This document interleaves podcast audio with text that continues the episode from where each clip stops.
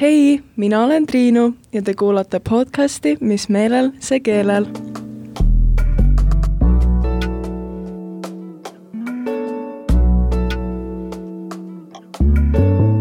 ja täna on minuga stuudios kaks väga tegusat noort neiut, Liseta ja Triin. tšau! Ja nemad käisid mõlemad vahetusaastal Ameerikas. seega täna me räägimegi lähemalt nende erinevatest kogemustest. ja nagu ma aru saan, siis te tundsite üksteist juba kaua enne vahetusaastale minekut? kolm aastat. ja te käisite koos põhikoolis, on ju? jah. ja siis, kas see mõte minna tuli teil ka nagu koos või see tuli eraldi?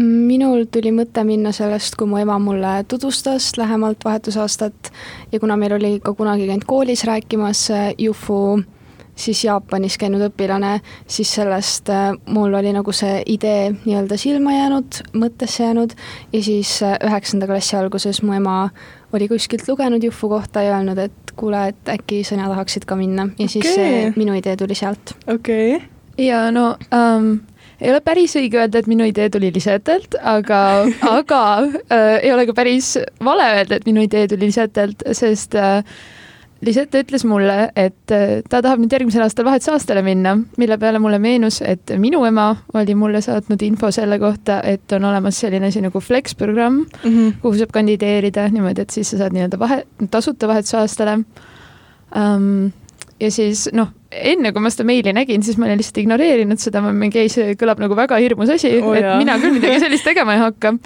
aga kuna me olime selleks ajaks kolm aastat järjest Lisetega põhimõtteliselt nagu kõike kogu aeg koos teinud mm, -hmm. siis ma mingi, oota, mis mõttes, nii küll ei lähe, et mina ei lähe sa ei lähe aastaks ära minu juurest esiteks seda on ju, aga ma mingi, oot, oot, oot, nii küll ei tea, nagu mm -mm, ma ei jää alla. nii et siis ma nagu olin mingi, ma arvan, et umbes samal õhtul, kui me olime rääkinud sellest, ma olin mingi, okei okay,, ma nüüd ikkagi loen selle meili läbi, et mis seal kirjas oli mm. -hmm. ja siis äh, ma käisin seal mingisuguses, vist oli mingisugune tutvustav äkki asi selle kohta, kas me käisime koos seal või? ma käisin ja Triinuga kaasas, kuigi ma olin juba Jufusse lepingu sisse andnud. okei okay,, see oli siis mingi Flex programmi asi, kus sa käisid? just, see mingi äkki lihtsalt tutvustas, et kuskil oli mis mingisugune... on Flex programm ja mida see endast kujutab ja mis okay. see nagu, et noh, kuna see programm on tasuta, siis põhimõtteliselt rääkiski, et mis seda rahastab ja kuidas see üldse kõik toimib okay.. kuidas sinna kandideerimine käib. ja siis oligi, et noh, mulle endiselt tundus see hirmus, aga noh, enam ei olnud nagu taganemist, nii et siis mm -hmm. ma mhm. kandideerisin sinna. aga mille järgi siis valiti need, kes päriselt said minna lõpuks? No tegelikult see on suhteliselt selline nagu bingoloto seal okay., et äh, mina isiklikult lõpuks ei osutunud valikuks sellesse mm -hmm. programmi äh,. aga noh äh, ongi, ma ei mäleta eriti detailselt neid kõiki faase, aga äkki vist kõigepealt oli lihtsalt kirjutada mingisugused kirjandid või mingid esseed mm, -hmm. mille põhjal valiti, et kes siis saavad järgmisesse vooru, mis oli minu jaoks juba väga suur asi, et ma sinna järgmisesse ja, vooru sain, mis kujutas endast nagu, siis seal olid igasugused inglise keele testid ja pidid lihtsalt nagu rääkima inglise keeles erinevates seltskondades, me pidime vist mingi väikse näidendi isegi tegema umbes. Okay.. ja nagu põhimõtteliselt nagu sellest etapist alates tehti juba kõik need erinevad sammud läbi, mis on üldse vajalikud, ükskõik mis programmiga sa lähed vahetusaastale mm. -hmm. et kõik erinevad mingisugused terviseankeedid, käisin arstide juures on ju, siis kirjutad kõik üles selle kohta, mis sind huvitab, mis ei huvita, millised on sinu uskumused bla, bla, blablabla. no nagu ülipalju paberitööd. Okay.. et nagu jah, äh, ja siis äh, sind lihtsalt jäetakse ootele nagu mitmeks mm -hmm. kuuks. et meile öeldi vist, et aa, et saate hiljemalt märtsi alguses tulemused, lõpuks ma sain vist aprilli lõpus. see on nagu mingi kooli kandideerimine, kus sa nagu oled seal ootelistis ülipikalt, sa oled mingi okei okay,, kas ma peaks teisi valikuid vaatama või ma saan sinna nagu jah, aga no et ongi, et selles mõttes ma ei oska nagu mingit mustrit tuua selle kohta, et kes need siis olid, kes mm -hmm. lõpuks valiti või mille järgi. sellepärast, et noh, esiteks see lõplik valik tehakse USA-s ja selle valiku teevad inimesed, kes ei ole sind ennast näinud. nii et nad teevad lihtsalt mingi tagasiside põhjal, mis nad Eestist saavad. ja okay. siis, äh, et ongi, et ma tean, et äh, hästi palju eelistatakse sellistest koolidest inimesi, kes alla tulevad nagu rohkem mingi maapiirkonnast Eestis mm -hmm. või kuskil, või no mitte Eestis üleüldiselt, see on nagu üle Euroopa vist okay.. Um, aga et jah et. tahetakse noh, nagu, nagu anda mingisugust võimalust siis. just, et nagu äkki ongi, et ma ei tea, laiendada silmaringi rohkem mm -hmm. nendel inimestel, kellel siis võib-olla teoreetiliselt see kuidagi on nii-öelda väiksem. ja, ja, ja uh,. aga et jah, et sealt saavad peamiselt ja siis ma tean, et üks tüdruk, kes koos minuga kandideeris uh,, sai niimoodi, et ta kandideeris teist aastat järjest, eelmisel aastal ta ei olnud saanud, aga mm -hmm. siis tol korral sai ja siis jah, mina lihtsalt järjepidevus viib sihile. järjepidevus viib sihile.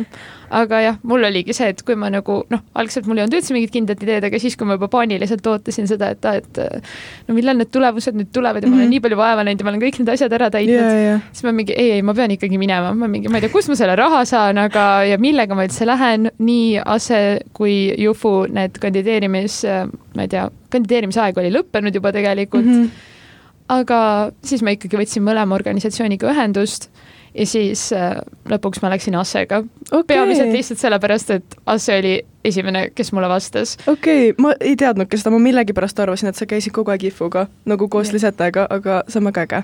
ja me oleme siin eri organisatsioonide esindajad. okei okay,, aga mis olid teie nagu kõige suuremad hirmud minnes, sest ma ise kardaksin, ma ei tea, Eesti elust maha jääda või kuidagi kaotada mingisuguseid suhteid, mis teil oli? ma arvan, et nende suhete peale ma tol hetkel üldse nii palju ei mõelnud okay., et äh, minu kõige suurem hirm oli perekond mm, -hmm. sest et ma mõtlesin, et okei okay,, et kui mul koolis väga ei meeldi, et siis see on okei okay,, et ma käin ju seal mingi näiteks umbes kuus tundi ja peale seda ma lähen kohe koju, et nagu kui mulle kodus ei meeldi, et siis see on natukene hullem olukord, sellepärast yeah. et oma perekonnaga ma veedan rohkem aega. nii et minu kõige-kõige suurem hirm oli see, et ma ei klapi enda vahetusperekonnaga okay. ja et mulle nagu, et ma, ma ei tunne ennast kodus olles hästi, kuigi nagu kodu peaks olema see koht, kus sa tunned ennast turvaliselt. jaa, eriti aasta aega, siis noh ja noh, kindlasti alguses, alguses on raske, sellepärast et sa lähed ära Eestist oma pere juurest, oma sõprade juurest ja vahetuspere on esimene perekond või noh, esimesed inimesed üldse, keda sa näed seal. Ja siis äh, ma väga kartsin, et äh, mulle ei meeldi oma vahetusperekonna juures, nii et see oli minu kõige suurem hirm. mul teisi hirme väga ei olnud, ma vist ei mõelnud väga muule. aga mis tehakse üldse siis, kui sa nagu üldse ei klapi oma vahetusperega? no mina oskan siis Jufu kohta rääkida yeah., aga et äh, Jufus on võimalik perevahetust teha Pere ja ma teadsin okay., et see on võimalus ja ma lihtsalt kartsingi, et ma otseselt, noh jah, ma kartsin seda, et ma ei klapi oma vahetusperekonnaga ja ma kartsin, et ma pean hakkama perevahetust tegema ja see tundus nii stressirohke oh, ja jah. nii palju nagu mentaalselt nii-nii keeruline ja siis äh, jah, ma väga lootsin, et ma ei pea seda läbi tegema ja et mulle meeldib mu mm -hmm. perekond. okei okay,, ma kuulsin, et Eestis näiteks on hästi suur probleem sellega, et äh, vahetusperest on väga vähe, seega võib juhtuda ka seda, et õpilased on juba Eestisse jõudnud, aga neil ikka veel ei ole nii-öelda kodu, seega nad lähevad kuidas neid nimetati, mingi SOS-kodud või midagi sellist? Inglise keeles on arrival family. okei okay., ja siis et nagu pärast neid paigutatakse ümber kuhugi permanentsemasse kohta mm. -hmm. aga USA-s vist ei ole seda probleemi, vaid seal on nagu palju neid, kes võtavad vastu mm -hmm. õpilasi? no ma tean, et osad õpilased ikka vist alguses mõne olukorras satuvad nagu nii-öelda arrival family'sse, mis on siis mm -hmm. perekond, kes on nõus õpilase võtma a la paariks kuuks, kuni ta siis leiab nagu päris perekonna endale okay.. aga mina sain teada juba märtsis, et ma sain endale perekonna mm -hmm. ja mu pere tegelikult pärast, kui me sinna jõudsime, rääkisime, ütles, et nad valisid nii-öelda endale vahetusõpilase välja juba detsembris, aga kuna enne ei antud mulle teada, kui kool ka oma kinnituse andis okay., minu Ameerika kool. ja te olite väga erinevates kohtades USA-s või kuidas? jaa, äh, no mina olin ähm, Pennsylvanias mm, -hmm. mis on siis Ameerika idakaldal.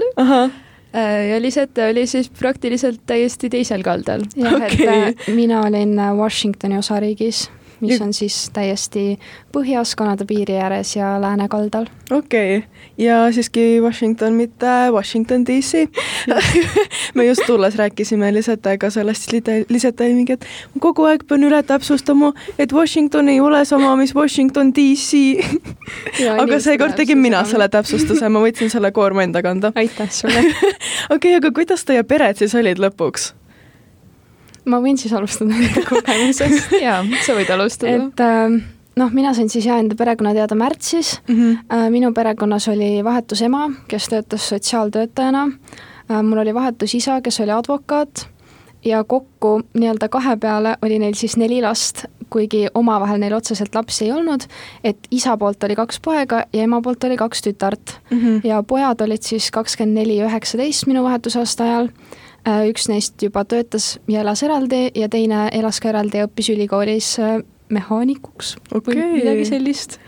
Äh, ja siis ema poolt oli siis kaks õde, vanem vahetusõde oli kakskümmend neli, elas ka eraldi, töötas ja noorem õde oli minu vahetusaasta ajal neliteist, sai viisteist ja mina olin siis kuusteist vahetusaasta ajal lapsed olid välja kolinud, siis tundus, et nagu kodu on kuidagi Just. külmaks jäänud ja. ja meil oli kaks koera ka. okei okay,, väga armas ja sul, Triin äh, ja no minul äh, nii, ühesõnaga äh, minul olid ka siis äh, sellised traditsioonilised ema ja isa, eks ole isa oli ülikoolis professor finantsprofessor, kui ma ei eksi.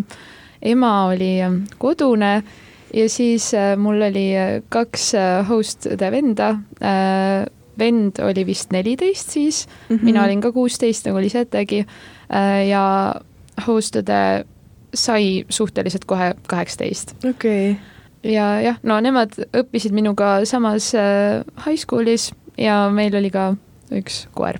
okei okay,, aga koolielu, te ei pidanud, on ju, koolis midagi otseselt tegema, teil oli lihtsalt kohustuslik käia tundides ja mitte puududa? Mm, mina enda koolis olin siis kaheteistkümnendik ehk yeah. lõpuklassis, kuigi ma Eestis olin lõpetanud üheksa klassi ja nii-öelda ainult põhikooliharidusega oh,. kusjuures see on nii huvitav, ma korra segan sulle vahele, aga mulle räägiti lugu sellest, kuidas üks vahetusõpilane USA-st, kes tuli Eestisse, äh, tuli kaheteistkümnendasse klassi aga ta lükati üheksandasse, sest et ta nagu arengult ei olnud lihtsalt nii kõrgele jõudnud. seega see on väga huvitav, et sind tõsteti nagu üheksandast kaheteistkümnendasse. Äh, minu kool ja mind nagu noh, selles mõttes minu õpilaspiletil oli kirjas kaheteistkümnes klass äh, selle eesmärgiga, et ma saaksin kõiki üritusi teha kaheteistkümnenda klassiga oh,, okay. kuna enamus äh, sellised suuremad kooliüritused toimuvad kaheteistkümnendal klassil ja kuna minu kool oli üpris kogenud vahetusõpilastega, siis nad teavad, et äh, vahetusõpilane on ainult aasta aega, ta ilmselgelt tahab kogeda võimalikult palju selle aasta jooksul, võtta võimalikult paljudest üritustest osa mm -hmm. ja kuna kaheteistkümnendale klassile pakutakse kõige rohkem neid võimalusi, siis sellepärast ma olin kaheteistkümnendas, aga tunde ma sain võtta ükskõik mis klassidega. ja minul oli kaks kohustuslikku ainet, äh, nendeks olid siis Ameerika kirjandus ja Ameerika ajalugu ja ma neid aineid võtsin koos üheteistkümnendikega. Üldiselt mulle neis ainetes nagu mingeid eritingimusi nii-öelda ei loodud, et pidin mm -hmm. kõiki töid kaasa tegema. Äh, okay. Ameerika kirjanduses ma sain peale paari nädalat aru, et ma ei saa mitte midagi aru nii et siis äh, kuna mul puudusid kõik eelnevad teadmised, millest nad seal tunnis rääkisid, siis äh, seal jah, ma sain natukene teisi asju teha kui teised. aga kas võttis aega see ka, et sisse elada üldse sellesse keelde, et et kuidagi ära harjuda. jaa, ikka selles mõttes, et alguses oli tohutult väsitav, sellepärast et näiteks kas või ma kirjutasin oma vihikusse nagu tundides kahes erinevas keeles segamini, sest et mul mingid mõtted tulid eesti keeles ja mingid, mida ma kuulsin, olid inglisekeelsed, nii et siis alguses oli tohutult keeruline, et lõpus mul on kõik ingliskeelne, aga siis alguses ma tegin mingisugust segakeelt. arusaadav no mina olin siis ka lõpetanud üheksanda, mind kaheteistkümnendasse ei pandud, aga ma olin üheteistkümnendas klassis. Ja meil nagu otseselt äh, ei olnud sellist süsteemi, et keegi paneks kuhugi üheteistkümnenda nagu klassitundi või kaheteistkümnenda klassitundi, sest meil olidki hästi paljudes ainetes terve gümnaasium segamini mm. -hmm. ma ei tea, noh, seal on ka üheksas klass loetakse gümnaasiumi alla, aga neid vist päris ei olnud, aga ma tean, et mul oli tunde, kus ma olin kümnendikega koos ja mul just ka oli see, et mul oli kaks kohustuslikku ainet, milleks olid siis inglise keel, ma arvan, et see teise aine kohta võib öelda ühiskond. okei okay. ja ühiskonnas olid ainult üheteistkümnendikud, aga inglise keeles ma olin nagu mingisuguses edasijõudnute grupis, kus oli, ma olin peamiselt kaheteistkümnendik nendega koos või noh, algselt ma olin teistega, aga siis mind tõsteti teise gruppi. aga jah, ja no sa küsisid selle kohta, et kas midagi kaasa pidime ka tegema või me lihtsalt käisime põhimõtteliselt istumas, on ju. no otseselt mingit kohustust ei olnud okay.. selles mõttes, et kuna see aasta ju ei lugenud meie jaoks. jah, et te tulite Eestisse tagasi, te pidite ikka kümnenda tegema, on ju. just, äh, ja jah siis siit tuleb juba välja ka see, et me ei teinud ilmselgelt paralleelselt Eesti kooli kaasa, aga noh, ikkagi hindeid pandi. Ma ikkagi üritasin nagu häid hindeid saada, aga mis minu jaoks oli kohe selline suur asi, oli see, et, et ma tulin siia, sest äh, siin pakutakse nii ägedaid võimalusi tundide valiku mõttes, et ma kindlasti ei hakka võtma matemaatikat ja füüsikat ja keemiat, on ju. kui mul on äh, valikus fotograafia, näitlemine ja koor ja sellest võibki yeah. minu tunniplaan koosneda. jah, et mul oligi algselt minu tunniplaan oli tehtud selline, et seal olidki sellised erinevad reaalained, sest nad vaatasid, et aa, tuleb Tallinna Reaalkoolist, on ju yeah.. et siis järelikult ilmselt meeldib. täpselt, täpselt tema valdkond, on ju. ja ma näen oma tunniplaani, ma ei jõudnud rohkem lugeda, ma näen, et seal on kirjas keemia. ma mingi äh,, vabandage väga, ma siin sooviksin, sooviksin muudatuse teha. siis loen edasi, vaatan ahah, füüsika, ma mingi, ma sooviksin siin ka ühe muudatuse teha. aga oligi see, et lõpuks ma tegelikult isegi olin seal mingis füüsikas ähm,, see oli maailma kõige lihtsam aine, see okay. ei olnud, see ei olnud absoluutselt see, mida ükski Eesti õpilane füüsikal ette kujutaks. päriselt, jah? Äh, aga, aga näiteks ma olin mingisuguses matemaatikas ühe tunni, aga kuna neil on nii teistsugune, nad ei olnud nagu otseselt, ma arvan, kaugemale tegelikult jõudnud, aga nad on nii palju tugevamalt sõltuvad kalkulaatori kasutamisest, et nagu mina ei osanud neid asju kasutada okay.. et ma mingi, jaa, ma võin sulle nagu kirjalikult see tehte siin ära teha, aga nagu kõik teevad mingi kakskümmend korda kiiremini, sest nad vajutavad oma kalkulaatori peal mingisuguseid keerulisi nuppe, millest mul pole õrna aimugi. sest kellelgi... meil just rõhutakse ju nii palju sellele, et ärme kasuta kalkulaatoreid, teeme nii palju oma peaga kui võimalik. ja, ja kusjuures minu vahetusõde rääkis, et neil oli olnud kaheksandas klassis, mis on siis aasta enne gümnaasiumi, et kaheksandas klassis neil oli olnud tunniplaanis selline tund nagu kalkulaatori õpetus, nii et wow. ja ei no ongi, et neil nagu ja nende jaoks see on nii loomulik ja kui ma oleksin olnud seda õppinud, siis ma oleksin ka osanud seda. Aga noh, siis kui sa juba oled seal hoos ja kõik teised oskavad, on ju, siis kellelgi ei ole seda aega ka, et mulle selgitada, kui ma iga nagu tehte kohta eraldi, et mingi no mida ma nüüd tegema pean ja, ja, ja. ja siis mul oligi lihtsalt juhuslikult selle poole tunni pealt tuli mingisugune nagu töötaja, kes pidi siis veits nii-öelda minu järele valvama või noh, vaatama, et kas mul läheb kõik hästi seal koolis. tuli nagu just selle tunni ajal küsima, et kuidas on. ei, ma lihtsalt tormasin klassist välja, läksin otse sinna mingi, kus mul seda tunniplaani tehti, oli mingi, mina sinna rohkem tagasi ei lähe. ja siis oligi, et ainsad tõsised ained nii-öelda vist, mida ma võtsin, oli siis see füüsika, mis tegelikult ei olnud tõsine ja teisel poolaastal mul oli mingisugune keskkonnateadus okay.. Ähm, aga jah, peamiselt olid sellised fotograafiad ja mingi näitering ja koor ja. sa võtsid viimast sellest võimalusest, mis sul oli, on ju? ja mina võtsin ka koori ja näitlemist ja noh, minu kogemus võib olla natuke teistsugune, kuna minu kooli nii-öelda USA mõttes ta oli selline natukene parem kool teistest, ta oli üks osariigi parimaid koole mm, -hmm. nii et äh, sellepärast koolil olid üpris suured ootused kõigi vahetusõpilaste osas ja alguses see tundus väga hirmutav, aga tundidesse minnes ma sain aru, et mitte midagi tehes on väga lihtsalt võimalik saada parim hinne. seega ei olnud üldse nii keeruline, kui ma arvasin okay.. muidugi ma võtsin ka väga lihtsad ained, aga isegi näiteks ajalugu, mis Eestis on minu jaoks üpris keeruline mm, -hmm. kogu aeg peab mingeid asju pähe õppima, siis äh, seal ma tegin kõike sada protsenti täpselt samamoodi kaasa nagu nemad. näiteks meil oli väga palju sõnadetöid, mis minu jaoks idee poolest võiks siis olla keerulisem, kui see pole minu emakeel yeah. ja noh, ütleme niimoodi, et äh, õppisid kakskümmend minutit neid sõnu, vaatasid neid natukene ja väga-väga okay. lihtne oli tööd teha. ja ma mõtlen lihtsalt, et kui lihtne see siis veel ameeriklaste jaoks on, kes said aru nendest sõnadest mm, -hmm. siis mina pidin need veel eesti keelde tõlkima, ma ei teadnud, mida sõna tähendabki. ja, ja põhimõtteliselt meie tööd olid sellised, et me pidime sõnu tähendusega kokku ühendama nii et äh, ja, aga noh, minu jaoks oli nagu tõlketöö, minu jaoks oli nagu Eestis oleks mingi inglise keele test yeah., aga neil oli see ajalugu ja kui ma need sõnad eesti keelde tõlkisin, siis nagu eesti keeles ma teadsin kõigi tähendusi mm, -hmm. seega ma ei kujuta ette, kui lihtne see nende jaoks oli ja see oli kõik meie ajalootööd, meil muid töid väga ei olnud.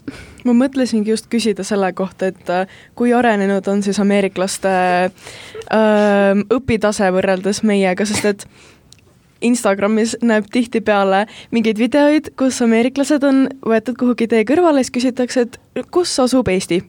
Või kus asub Prantsusmaa. ja siis äh, nad on täiesti nagu teadmatuses, et see on üldse eraldi riik või midagi sellist. Yeah Uh, noh, jah, okei okay,, selles mõttes see on tegelikult ülilaiahaardeline küsimus, on ju, et seda on raske niimoodi kuidagi Äh, kokku võtta, et ja, milline kindlasti. see haridustase siis üldiselt on, aga kui sa sellised näited tõid, siis äh, see on küll üks asi, mis mulle nagu väga teravalt meelde jäi.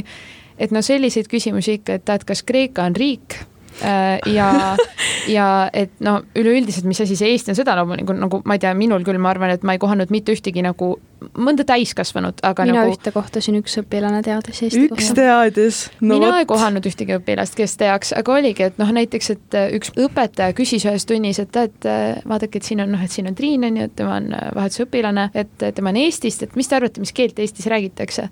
ja umbes kolm õpilast vastas nagu surmtõsiselt samal ajal et uh, European hmm.. et me räägime Eestis Euroopa keelt. aa, õige, õige, that makes sense. jah, täpselt, that makes sense nii ongi. nii et uh, jah, et selles mõttes selliseid nagu hästi jaburaid küsimusi oli palju okay.. ja oligi mingi, ma ei tea, isegi mu füüsikaõpetaja küsis mult, et kas meil Eestis päikseprillid on.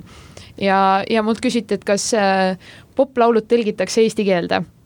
ja no ma olen natukene šokis.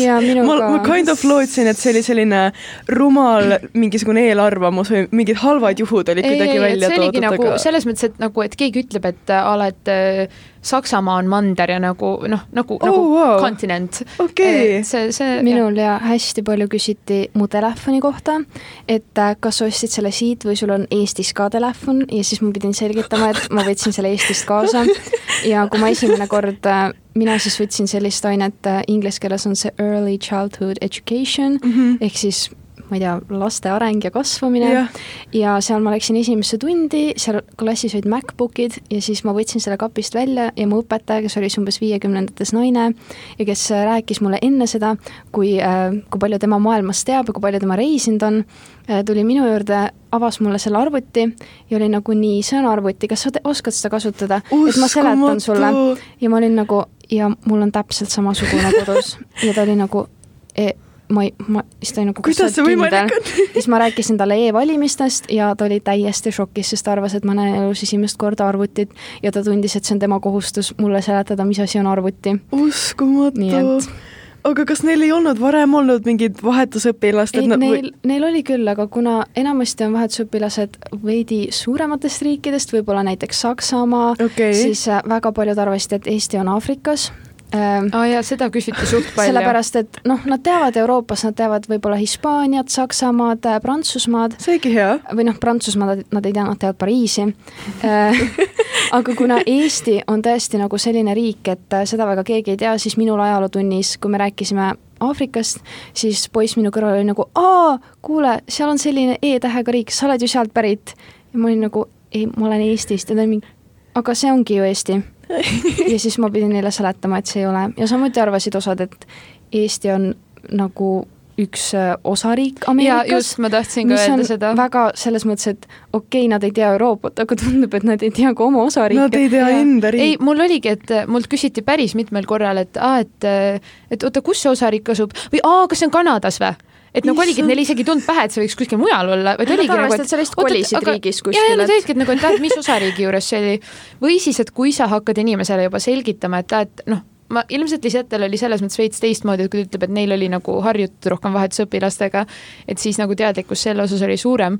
aga et ongi, et noh, et hakkad juba selgitama, et aa, et ma olen tegelikult üldse Euroopast on ju -hmm. ja ma olen vahetusaastal et siis äh, minu meelest vähemalt kaks inimest küsis mult, et, et no mis, mis mõttes sa oled vahetusõpilane, et mis mõttes elad siin teises peres, et aa, kas sind nagu adopteeriti aastaks või?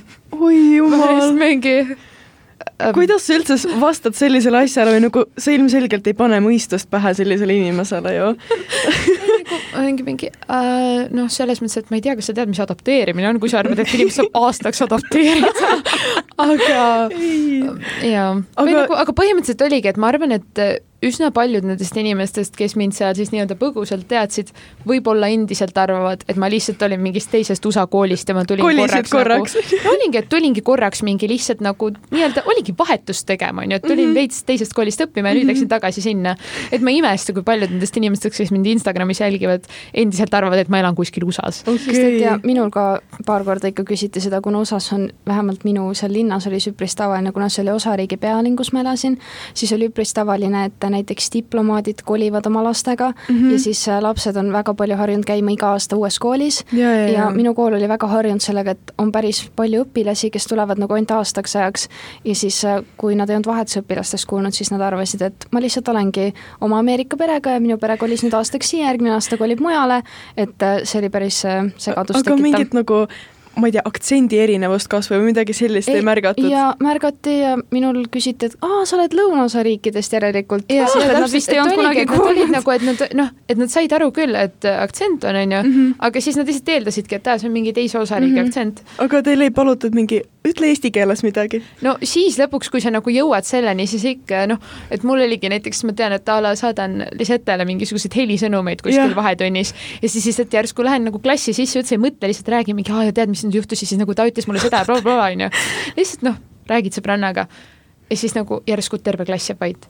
Nagu, ja kõik lihtsalt, kõik on vait ja kõik lihtsalt vahivad sind, siis mul ongi nagu, ma ei tea, kas nad jäid sinna helisõnumi peale ka, aga ma lihtsalt räägin, mul on nagu veits naljakas hakkab juba, aga no mul on sõnum pooleli, mul on vaja oma jutt ära rääkida mm. -hmm. ma näen, et nad kõik vahivad mind, siis järsku hakkab mingi, üks poiss on mingi, ta räägib nii kiiresti ta räägib Jaa. nii kiiresti, täiesti haige, kuidas ta seda, kuidas ta seda keelt nii hästi oskab, et ta räägib nii kiiresti. kuidas ta oma emakeelt No valdab nii hästi? ja siis nagu üks teine poiss on vastu mingi no kui sina räägiksid seda keelt oma emakeelena, siis sa räägiksid ka, siis ta mingi ei jää vait, oota, ma tahan kuulata, ta räägib nii kiiresti, täiega äge on, siis teine on mingi no see ei ole nii impressive on ju nagu, ta räägib lihtsalt oma emakeelt, mingi me räägime ka kiiresti, kui me omavahel räägime, Jaa. siis ta mingi ei jää vait on ju, siis mingi teine inimene tuleb ka juurde mingi oota, ma tahan kuulata, nii äge on ju, siis mingi ühesõnaga, Lisette ja ma olen sulle nüüd viimased kümme minutit mingit täiesti mõttetut juttu rääkinud, sest ma ei suuda enam keskenduda, ma ei tea, millest ma rääkisin. aga jaa, päris põnev, et nagu selles mõttes ikka oli ja noh, ma ei tea, mul näiteks ükskord käisin sõpradega mööda külakest ringi sõitmas, sest see oli täpselt selline piirkond, kus mina elasin mm, -hmm. selline kõige maakoham Vaikne. maakoht, mida suudad üldse ette kujutada, ehk siis inimesed veedavad vaba aega sellega, et sõidavad autodega mööda parklaid ringi ja siis oligi, et pakkusin neile meelelahutust äh, selle näol, et sõitsime erinevatesse kiirtoidukohtadesse, läksime drive-thru'sse ja siis nad olid mingi, ta oli eesti keeles. nii et Nii ma lihtsalt, lihtsalt olen kuskil Maci drive-thru's ja nad mingi tere äh,, te ei saa mitte midagi aru, mida ma räägin. ja ma ei tea, millegipärast siin autos nendel inimestel väga naljakas ja lihtsalt nagu need teenindajad olid nagu kõige rohkem segaduses inimesed üldse, mul oli suht piinlik, aga no ma arvan, ma ei ole mitte kedagi kuulnud niimoodi südamest naermas, kui naljakas Jaa. nendel inimestel seal autos oli, et ma mingi noh. ma mõtlesin, et oleks võinud reaalselt mõelda mingi oma salariigi välja, mingi oma keele, rääkida mingit X juttu kokku Eestist nad oleks mingi, issand, te oletegi Jaa. tulnukad. ei, aga selles mõttes see nagu Loki oligi niimoodi, sellepärast et näiteks jälle kellelegi öeldi, et aa, et ta on Triin, ta on mm. -hmm. Eestist ja nagu noh, Estonia ja siis keegi hakkas midagi rääkima sellest, et oh my god, kas see on see riik, mis on filmis mingi Princess Diaries? Mm. ja siis nad olid lihtsalt mingi oh, appi oli jaa, see oli ju see, see on kuningriik, nagu seal on minu meelest umbes välja mõeldud asi, selle nimi on mingi, mingi Genovia või midagi siukest mm -hmm. äkki, aga igatahes jah, nad jõudsidki kõik järeldusele, et see on see film.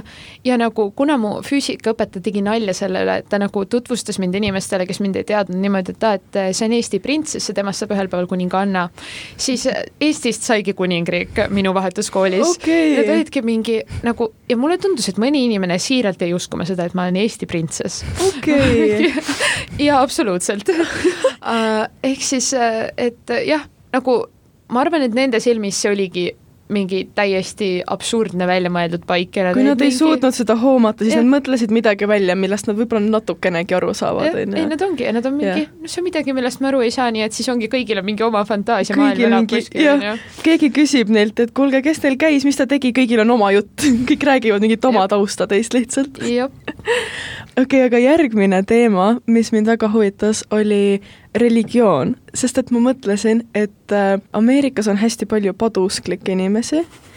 seega, kuidas teil lugu oli? Äh, mina siis äh, noh, kui sa lähed vahetusaastal Ameerikasse, siis äh, Jufus on enne sellised asjad nagu kodugrupid mm. -hmm. ehk siis kõik, kes lähevad Ameerikasse, saavad kokku paar korda enne vahetusaastat ja juures on siis ka kaks vabatahtlikku, kes on ise juba käinud Ameerikas. ja nad siis tutvustavadki täpsemalt Ameerikat, kuidas seal käituda, kuidas seal hakkama saada, ellu jääda ja minule räägiti väga palju, et äh, ameeriklased on usklikud mm. -hmm. peaaegu kõik vahetusperekonnad on usklikud ja see on kindlasti midagi, millega tuleks arvestada. et eestlased üldiselt ei ole usklikud yeah., meie perekonnad, me ei käi kirikus, vähemalt mina enda perega ei käi kirikus näiteks, jah, et äh, see on nagu midagi, millega tuleks arvestada Ameerikas. ja ma olin nagu valmis selleks, et äh, okei okay,, et arvatavasti mu vahetuspere on usklik, mulle õpetati ka, et äh, sa peaks võib-olla vähemalt esimesed korrad nendega kirikus kaasas käima, et näidata üles, et sa nagu oled huvitatud nende kultuuri ja nende nagu uskumuste vastu mm. -hmm. ja siis äh, mina sain enda vahetuspere faili kätte ja seal oli kirjas, et nad ei käi kirikus ja siis ma olin nagu, et okei okay,, midagi tundub valesti, et mis mõttes lähen ikka Ameerikasse ja minuga koos läksid siis Jufust äh, kolmteist õpilast peale minu veel ja siis, kui me lennukiga lendasime, siis me kõik arutasime ja kõigil teistel oli usklik vahetusperekond wow.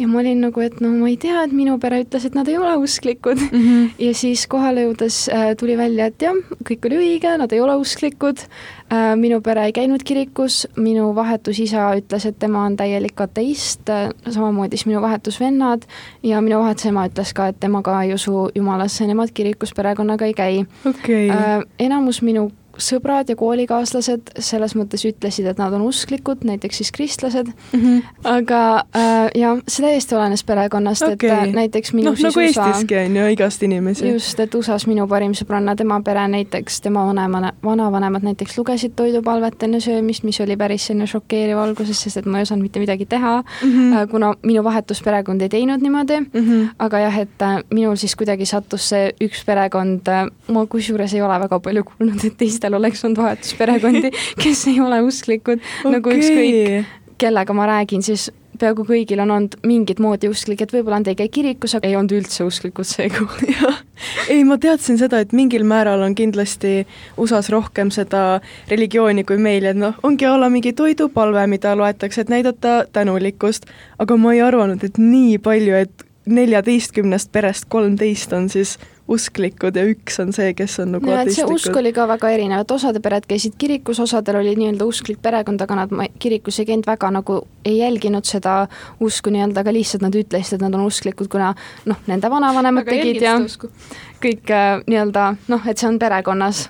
aga okay. jaa, et minu perekond siis otsu-, otsustasid, et nemad ei soovi, kuigi minu vanavanemad Ameerikas olid mõlemalt poolt usklikud. okei okay jaa, äh, no selles mõttes meil see ettevalmistus asjas oli täpselt samasugune äh, ja üleüldiselt nii palju, kui ma üldse teadsin USA-s vahetusaastal olemisest, siis ma olin nagu praktiliselt sada protsenti arvestanud sellega, et mul saab olema usklik perekond. mina ka äh,. nii et jah, see nagu otseselt üllatav ei olnud, minul siis olin täiesti traditsiooniline vahetusõpilane või vähemalt traditsiooniline vahetuspere selle osas, et nad olid usklikud aga jah äh,, nagu ka asukohalt ma suutsin siis Lisetega võrreldes täiesti sinna teise spektrumi otsa langeda.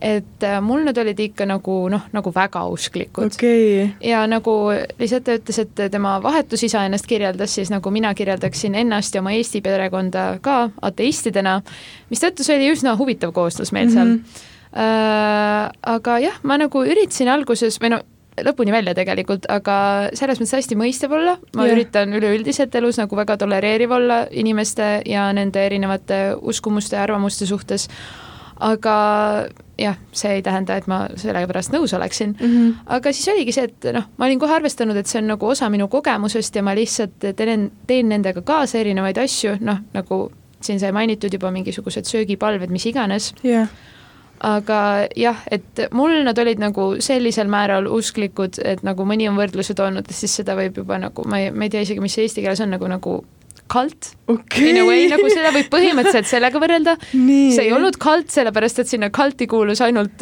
minu pere.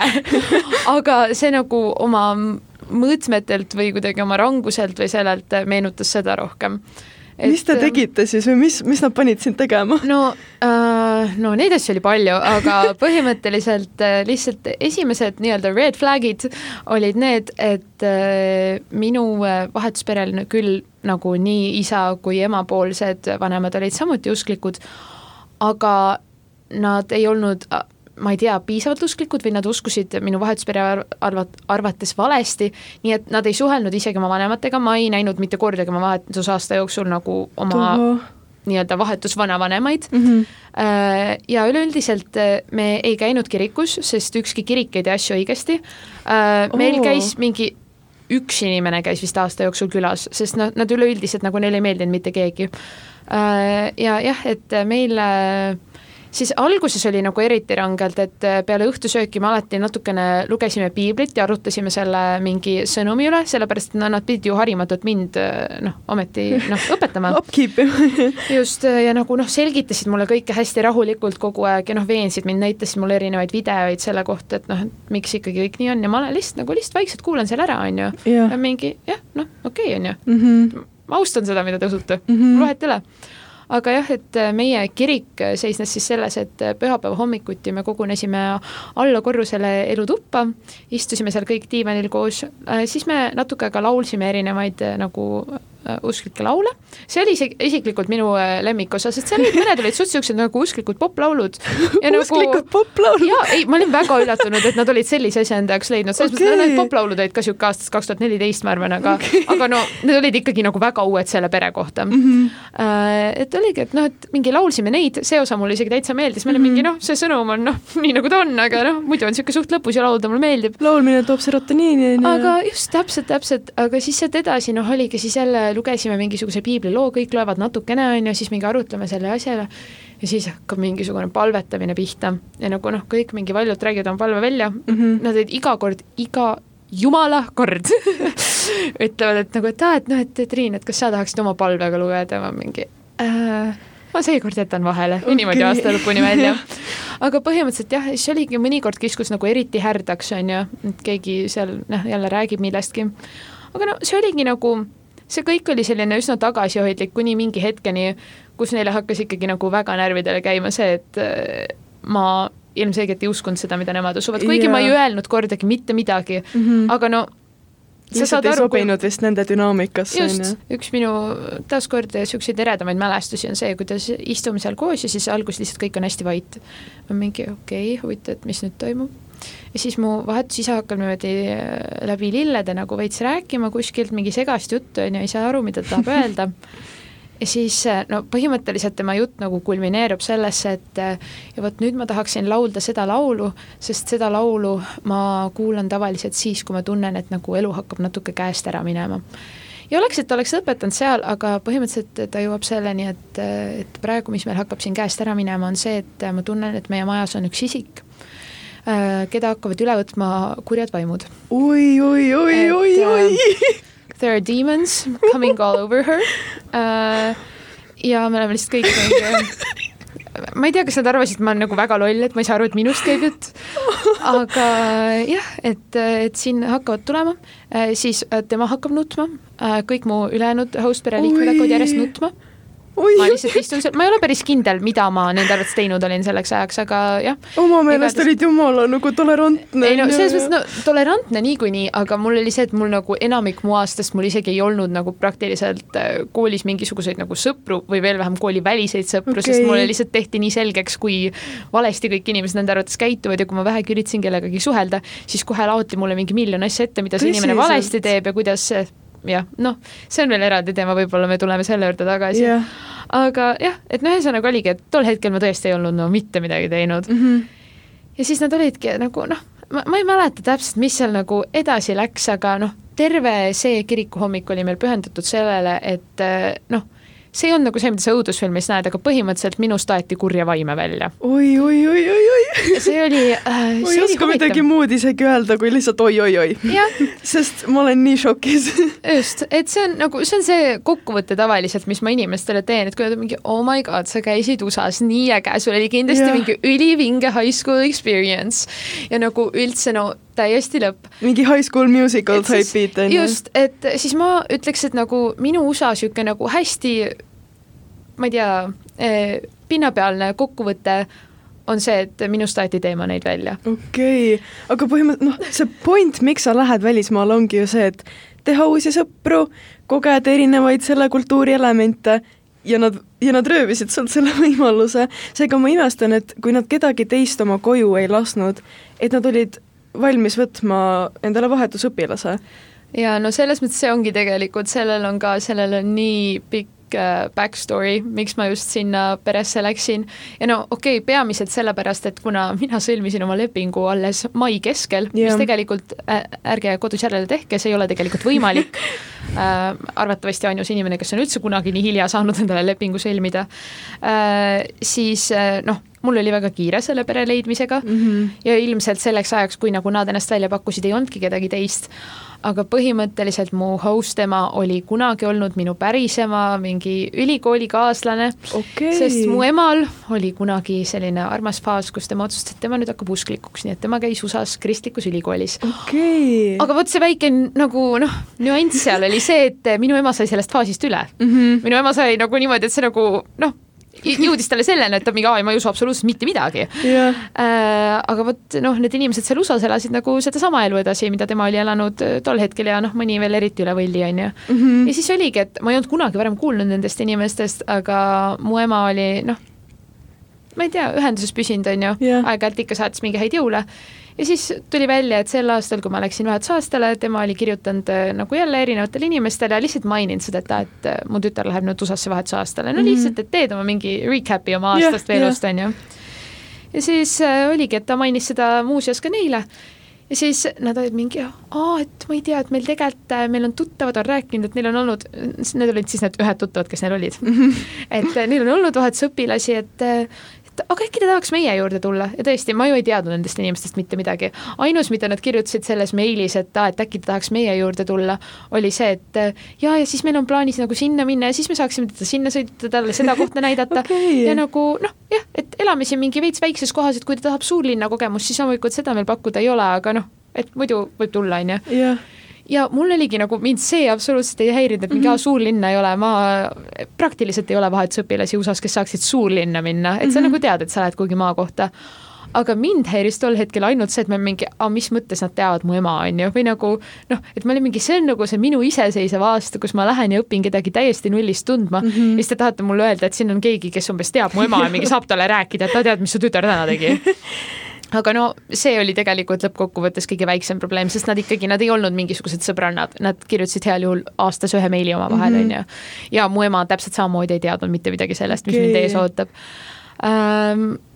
Aga jah, et oligi, et nagu kõik asjad hakkasid nagu tulema tagantjärele, et kui ma lõpuks nendega nõustusin, siis oligi lihtsalt see, et ma mingi no aga samas mul on nii vähe aega jäänud aasta alguseni, et mine tea, äkki kui ma praegu ära ütlen, siis ma saan endale nagu halvema variandi jah et, no kõlab ju nagu okei okay, asukohana no nad lubavad mind mingi igale poole reisima viia umbes ja nii, et mm. -hmm. eks ma ikka lähen. et siis oligi, et ma nagu andsin oma nõusoleku ära ja siis tulevad nagu noh, järjest mingid sellised asjad, et et eh, noh, et ega sul oma tuba ei ole, et sa jagad tuba, mis on okei okay,, ma ei ole ainus vahetusõpilane, kes Jaa, on jaganud tuba. selles mõttes, et vahetusaastale minnes üldiselt oma tuba ei ole üldse nagu kohustuslik või nagu perekonnale mm -hmm. siis, et seda poolt, et ja et nagu perekonnale ei, nad ei pea pakkuma, et nagu ainus nii-öelda tingimus perekonnal on see, et õpilasel oleks oma voodikoht ja kui ta jagab tuba, et siis nagu samast soost äh, pere okei, lapsega. just Mhm. et see oligi nagu, see ei ole midagi erilist, aga noh, selles mõttes, et eh, ma leidsin, et kui nad nagu noh, mainisid nii palju erinevaid asju, et mis mind võiks häirida, et aa oh,, et kui ta tahab ikkagi mingit nagu eh, New Yorgi kesklinna kogemust, on ju, et siis seda me pakkuda ei saa. Mm. -hmm. et siis noh, et nad nagu selle peale ei tulnud, et mainida mulle, et minu kõige privaatsem koht selles majas on narivoodi teine korrus, on ju. Jah, Eh, et noh, et see oli niisugune huvitav, aga no lihtsalt järjest tuligi, et aa, et noh, et ei ole tuba. Ja siis tuleb, et, et meil ei ole wifi't majas, okei, me, me ei usu internetti. ahah, nii et meil ei olnud internetti äh. kuidas sul suhtlus siis käis perega, oma Eesti perega? no mingi esimesed, ma ei tea, kuu aega vähemalt, võib-olla kaks kuud ma praktiliselt ei olnudki Eestiga ühenduses okei, äh,, sest äh, jah, nagu see kõige raskem sisseelamise periood jaa et noh, oligi, kui me enne rääkisime siin sellest, et noh, sa küsisid, et mis olid hirmud, on ju, enne Mhm. vahetusaastat, siis ma ei osanud mitte midagi karta. ma nagu tol hetkel väga hea mindset. ma nagu tol hetkel ei kartnud äh, seda, et mul Eestis midagi oleks kuidagi mingite suhetega, sest nagu mul oligi kogu aeg kindel otsus, et ma tahan minna peale üheksandat klassi või mitte kunagi, sest see tundus nagu niisugune hea murdekoht. nii Jah. et äh, ma olingi mingi, et jaa, ma tean, et ma enam keset gümnaasiumi ei tahaks ära minna, aga nagu, et praegu ma just võin minna ja no ma tahtsingi lihtsalt nagu korraks eemale saada sellest Eesti koolielust mm, -hmm. sest no Tallinna Reaalkool ei olnud mulle. ja siis oligi, et ma nagu seda ei kartnud, mult küsiti kogu aeg, et ah, kas sa ei karda, et sa hakkad oma pere igatsema ja ma olin mingi, ma ei tea, ma olen ju suvelaagris varem käinud, et ma küll ei ole kunagi see, kes mingi nutab iga õhtu oma emale helistab. et eh, no ei, ei, ma küll ei usu, no mis, ma tulen ju tagasi, on ju, et ke- keda ma ikka igatsen. ja noh, oligi, et ja USA mõttes samamoodi, ma olin nagu, ma isegi väga nagu ei keskendunud sellele, et mis mind võiks häirida, aga pigem ma olin mingi, ah noh, ma lähen ju sinna ägedasse high school'i on ju, ja siis ma olen see äge vahetusõpilane ja üldse noh, ma ei tea, see pere on nii teisejärguline seal on ju, et noh, vahet ei ole, on mingi natuke naljakad, mingi usklikud, mingi teevad midagi teistmoodi, aga no vahet ei ole, ah kes teab, kas mul on üldse aega seal majas ka olla, on ju, et ma ju kogu aeg käin ringi ja teen midagi. Et eh, siis oligi, ma nagu seda ei kartnud, aga mul kuidagi käis see klikk ära siis, kui ma seisin lennujaamas, kui ma hakkasin vahetusaastale lendama ja ma, seal on see viimane see mingi kalliring, on ju, ma teen oma isale kalli, ma lihtsalt järsku hakkan nutma või mingi, ma ei taha minna.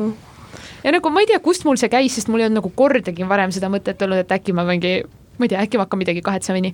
aga siis mul lihtsalt käis ära ja nagu praktiliselt terve tee USA-sse, mis kestis siis no ikkagi mitu päeva põhimõtteliselt, ma nagu üsna lakkamatult nutsin. jõudis mingisugune nagu reaalsus kohale? mingi asi jõudis kohale, kuigi no tol hetkel ma ilmselgelt tegelikult ei kujutanud ette, mida see tähendab, et mul ei ole majas wifi't mm. -hmm. ja no mis ei olnud kõige suurem probleem, aga see tegelikult saab üsna suureks teguriks, kui sa oled üle ookeani eemal kõigist yeah ja, jah, aga noh, et siis oligi see, et kui ma nagu sinna kohale jõudsin, kuna ma juba olin alustanud nagu nii negatiivsel noodil, et siis tavaliselt alati räägitakse, et aa, et vahetusaastal on nagu, et mingi kaks esimest nädalat on sellised, need nagu linnulennul lähevad mööda, et keegi ei pane tähelegi, et nagu nii palju uut, nii palju tegemist, et mm -hmm. keegi ei jõua igatseda, keegi ei jõua Eestile mõelda. et noh, seal kuskil noh, kui on mingi paar kuud möödunud või noh, kõige vähem kuu, et siis inimesed võib-olla natuke hakkavad igatsema ja siis on see kõige raskem periood ja noh, jõulude ajal ja noh, et sellised on nagu need mm -hmm. rasked perioodid ma ei tea, mina olin esimesed kaks nädalat ja ma mõtlesin, et no kui te tahate mulle öelda, et see nagu, et sellest saab veel raskemaks minna, et siis mina lendan Eestisse tagasi.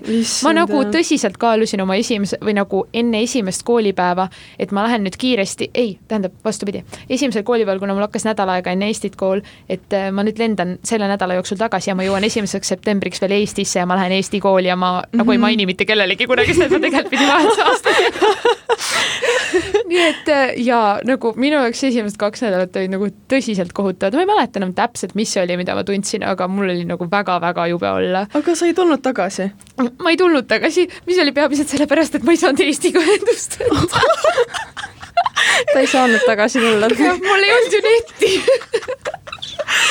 aga, ja noh, oligi ja siis nagu, kui ma lõpuks äh, sain neti või noh äh,, noh, tähendab kodus mul ainus võimalus internetti kasutada oli see, et minu host'i seal oli internet mingi kaabliga otse tema arvutisse. Okay.. Eh, ehk siis meie office'is oli internet. Ja ta oli mingi, et kui ma parajasti seal ei ole, ta oli seal niisugune kakskümmend kolm seitse, mhm. eh, et, et siis sa võid muidugi loomulikult siia tulla, on ju Äh, ehk siis oligi, et ma sain siis sinna minna mingi kaabliga oma arvuti ära ühendada ja sealt videokõne teha, aga nagu alguses ma isegi ei julgenud seda teha, sest iga kord, kui ma kas või nagu mõtlesin sellele, siis ma teadsin, et ma lihtsalt hakkan nutma sinna kõnesse mm. -hmm. ja ma mingi, no ma tean, et no ma praegu veel ei saa, kuigi noh, siis kui ma lõpuks ennast kokku võtsin, ma ikka lihtsalt nutsin terve kõne, nii et noh, mhm. ega see vahe, väga vahet ei olnud, mitte midagi ei muutunud selle ajaga aga noh, et internetiga oligi see, et kui ma lõpuks nagu julgesin hakata rääkima sellest, et, et ma tegelikult nagu tahaks nagu mingi noh, kohaliku internetipaketi võtta või noh yeah., noh, tahaks nagu ühenduses püsida inimestega, et ma ei tea, kui ma olen kuskil noh, üksinda, et siis tahaks nagu koju tagasi jõuda. muidugi, muidugi et siis no kõigepealt pere kindlasti Eestis ka ju ootab no, sinu seda kogemust võiks nagu öelda midagi, jah, täpselt. on laps ikka elus veel või mis temaga seal kaugel maal juhtunud no, on? eks ole, e, et siis oligi see, et e, noh, minu host'is ja kõigepealt on lihtsalt mingi, et ah, et miks sul peaks internetti vaja olema ma mingi, vabandust, et noh, et noh, ma ei tea, et ma olen nagu natuke teistsuguse eluga harjunud, aga peamiselt lihtsalt sellepärast, et nagu mu pere on Eestis mm -hmm. ja mu sõbrad yeah. ja nagu tahaksin nagu natuke ühendust hoida nendega, on ju, või noh, oligi, et ma siis lõpuks hakkasin lihtsalt nagu kas või neid näiteid tooma, et et kui ma lähen mingi jalutama, on ju, ma ju ei tunne seda kohta, ma tahaks Google Maps'i sisse panna, et yeah. nagu tagasi koju jõuda. et mingi mm, no ma küll ei tea, miks sa peaksid ilma meieta jalutama minema, aga noh, okei okay,, on ju ja siis oligi, et siis, kui ma lõpuks ka interneti võtsin, siis ähm, mul oli mingi kolme gigabaidine äkki pakett, ehk siis seda põhimõtteliselt ei eksisteerinud mm, -hmm. ma kulutasin selle alati esimesel päeval kohe ära, sest siis mm -hmm. ma mhm. olengi mingi kaks sekundit olen Instagramis, üritan mingi vaadata, mis siin viimase kolme kuu jooksul toimunud on, on ju, ja siis nii. aga mis te otsus. siis vabal ajal tegite, lugesitegi piiblit või? Äh, no põhimõtteliselt jah no äh, oligi piiblit ja siis mingi äh, kolme raamatut, mis seal approve itud olid või nagu selles mõttes mina olin. konkreetselt. nagu mina olin nagu äh, väga skandaalne inimene selles mõttes, et mina julgesin lugeda mingisuguseid äh, erinevaid, ma ei tea, mingi noortekirjandust ja nii onju. aga minu host ajal siis nagu, kes ma mainisin, sai bold move, väga bold move on ju nagu bold. ja siis ta tegi talle musi, nagu see oli, kui mu host'i sa oleks näinud nagu reaalselt, ma ei tea, ta oleks mind kuhugi natuke kloostrisse kinni pannud. mitte musi ussitamine, lõpetage. no, no freaking way on ju uh,. et oligi, et nagu noh, nagu ma mainisin, mu host õde põhimõtteliselt oli täisealine ja no sai kohe täisealiseks. aga kõik raamatud, mida tema luges, ta pidi kõigepealt oma isalt nõusoleku saama selleks, et kas see on nagu, kas see sisu on sünnis ja kas ta tohib seda lugeda. et ta isa on kõik maailma raamatud läbi lugenud Aa, ja ta muidugi teab isa, vastust no, kõigile küsimustele no,. ei no selles mõttes nagu isa või no üleüldiselt mees loomulikult teab vastust kõigele. mees on õigus. põhimõtteliselt jumal, nii et äh, selles mõttes jaa. aga, aga et oligi, et näiteks ma host'e ei tohtinud isegi paljusid raamatuid kooli kohustuslikust kirjandusest lugeda. sellepärast, et äh, ta isa on mingi, ai, see, see nagu, see ei kõlba mitte kuhugi.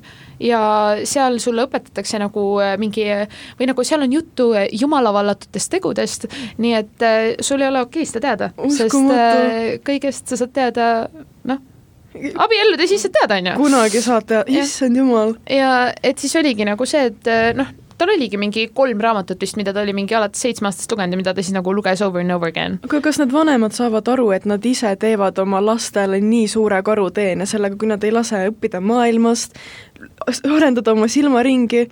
ma ei tea, no mul oligi lihtsalt tunne, et noh, nagu selles mõttes reaalsustaju veits hakkas ära kaduma, ma mm -hmm. olen mhm. aus, nagu kui ma olen nii mitu kuud oled selliste inimestega koos, siis nagu mulle hakkaski tunduma, et ma mingi, aga äkki maailm ongi tegelikult selline, äkki elu ei olegi kunagi ilusam olnud, mida iganes, on ju, et mm -hmm. nagu noh äkki see ongi mingisugune normaalsus, et kuidagi keegi lihtsalt elab niimoodi, et äkki mina lihtsalt olen kuidagi väga teistmoodi olnud kui kõik teised inimesed terve elu okay.. Äh, aga, aga siis Lisete vahepeal oli nagu, et kuule, ei minul küll ei ole niimoodi, ma ei tea, mis sul toimub. ei no ongi ja tegelikult mul oligi, et noh, ma sain nagu kohe koolist aru, et mul nagu tulevad õpetajad minu juurde mingi, aa, sa oled selle pere juures, oled okay. vahetusaastal või kas sul on kõik okei okay.? ja nagu alguses ma mingi, millest te räägite, miks mul ei peaks olema, onju. ja mhm. nagu ma olingi noh, et alguses nagu kõik mu mured olid nagu mu enda omad, need ei olnud nagu otseselt mu perega seotud mm. -hmm. ja siis ma olingi lihtsalt mingi, et äh, jaa, aga noh, hiljem nagu vaatad tagasi, saad aru, et täiskasvanud inimesed tulevad sinuga rääkima sellest, et sa oled, täpselt, et sa oled selles peres või kas sul on kõik okei okay,, kas sa vajad abi? ma mingi äh, ei, miks ma peaksin? tegelikult noh, kõik teised nägid seda ümberringi mm, -hmm. et see ei ole normaalne, et oligi, et nagu mu mingi vahetuspere või noh, siis nagu mu nii-öelda õde ja vend olid nagu lihtsalt nii brainwashed okay., aga nagu nad olidki, kuna nad olid ennast nagu terve see perekond tervest maailmast nagu nii ära eraldanud ja noh, neil oligi, et nagu mu host ema sõidutas meil hommikul kooli, ta tuli meile õhtul kooli järele ja nagu see, need mõned tunnid koolis olidki ainus aeg, kui nad üldse nägid mingit teistsugust maailma. Nad ei käinud nagu peale tundi mitte kuskil, nad ei käinud nädalavahetuseti mitte kuskil ja mingi, ma ei tea, äkki kuuenda klassini või ma ei ole päris kindel, nad olid koduõppel, sest koolis midagi õpetatakse valesti ja, ja nagu näiteks, et siis kui on mingi sexual education või midagi niisugust, siis mm -hmm. nagu mhm. seda seal tunnis nad ei käinud. Neil oli nagu, neil oli kuidagi nagu vabastus sellest tunnist, sellepärast et see on täiesti absurdne, et okay. noortele räägitakse millestki sellisest ehk siis jaa, ja noh, nad olidki, et nagu mul aeg-ajalt ikka nagu host ida tunnistas mulle midagi sellist, et ta mingi no ma ei tea, et mul ikka vahepeal on nagu tunne, et nagu noh, ma ei ole nagu päris kõigega nõus, mis nad ütlevad mm -hmm. või nagu noh, ma ei tea, aga siis nagu sellesama vestluse juures juba kohe jõudis alati kätte see moment, et aga samas ma ikkagi tean, et nagu mu isal on alati õigus ja no tegelikult emal ikkagi ka, nii et oi, oh, ma olen ikka patune, ma peaksin ikka nagu kuidagi midagi nüüd tegema, sellepärast et ma nüüd niimoodi mõtlesin või niimoodi arvasin, on ju. Gaslight ivad iseennast juba ja. nagu, issand jumal, okei okay,, see on väga-väga huvitav. Ma, ma ei oleks kunagi osanud arvata, et, et sellist pere üldse lubatakse nagu vahetusperena anda. no selles mõttes, eks see oligi selline väga erandlik juhus mhm. tegelikult mm, -hmm. sellepärast et see, kuidas ma üldse sain selle perekonna ja kuna nad esitlesid ennast niimoodi, et aa, et noh, et me teame seda inimest ja võtame ta enda juurde, siis põhimõtteliselt Asse silmis ma olin keegi, keda nad teadsid ja nad olid keegi, keda okay. mina teadsin. ja aga oligi, et samas tegelikult minu tugiisik tunnistas mulle hiljem, et noh, siis kui ma lõpuks kuuenda kuu lõpuks nagu jõudsin selleni, et mul tegelikult ei ole kõik okei okay. ja mul ei ole juba algusest peale kõik okei okay olnud, aga ma julgen sulle öelda okay.. et kui ma lõpuks jõudsin selle vestluseni, eh, siis nagu ta tunnistas mulle, et aa, et tegelikult nagu siis, kui ta käis sellel nagu ülevaatusel seal ja rääkis selle perega, et siis ta sai kohe aru, et kui ta nagu vaatab minu ankeeti, räägib selle perega, et noh, et ilmselgelt need inimesed ei klapiks omavahel mm -hmm. ja no üldse, et ta ei tea, kas nad on mingi vahetusõpilase võtmiseks valmis aga noh, et ma ei tea, ega tal on ka palju tööd ja et äh, noh, ega siin oli kiire ka, on ju, et äh, mõtlesin, et noh, äkki ikka vast saad hakkama, on ju. aga sa saidki hakkama, nagu sa tegid selle ära? Through ups and downs. Yes, Through downs. Through downs. Aga jaa, ei no ma tegin selle ära. Ja jah. see oli suur õpikogemus kindlasti. jaa, ei ongi, et nagu nii palju küsitakse, et meie appi see kõlab nii kohutavalt, et nagu kas sa nüüd täiega kahetsed, nüüd sa mingi lõpetad hiljem kooli ka, on ju, et mhm. nagu kas sa ei kahetse seda, et sa läksid sinna, et issand, see kõlab nii õudselt. aga ma mingi, et noh, jaa, see kindlasti ei olnud absoluutselt see, mida ma ette oleksin mm -hmm. kujutanud, on ju. et ma läksin lahedat aastat saama ja ma sain ühe laheda nädala lõpuks, siis kui ma leidsin inimesed, kellega ma tegelikult tahtsin olla okay.. aga, aga nagu samas ma tegelikult ikkagi läksin kogemust saama ja kuigi ma ei oleks kunagi sellist kogemust ette kujutanud, ma sain nagu väga värvika kogemuse, mis kindlasti nagu väga oluliselt ikkagi nagu kujundas seda ja, inimest, kes minust edaspidi sai või saab, on ju et äh, jah, oli omamoodi okay.. mul oli küll täiesti vastupidine kogemus, kui ma siin nüüd kuulan, minul oli väga selline traditsiooniline vahetuspere nii-öelda valimine, et äh, vähemalt Jufus siis on niimoodi, et perekonnad näevad äh, nii-öelda õpilaste faile ja siis selle põhjal nemad saavad endale valida, millise õpilase nad võtavad, et mitte õpilane ei vali perekonda, vaid mm -hmm. siis mhm. perekond valib õpilase.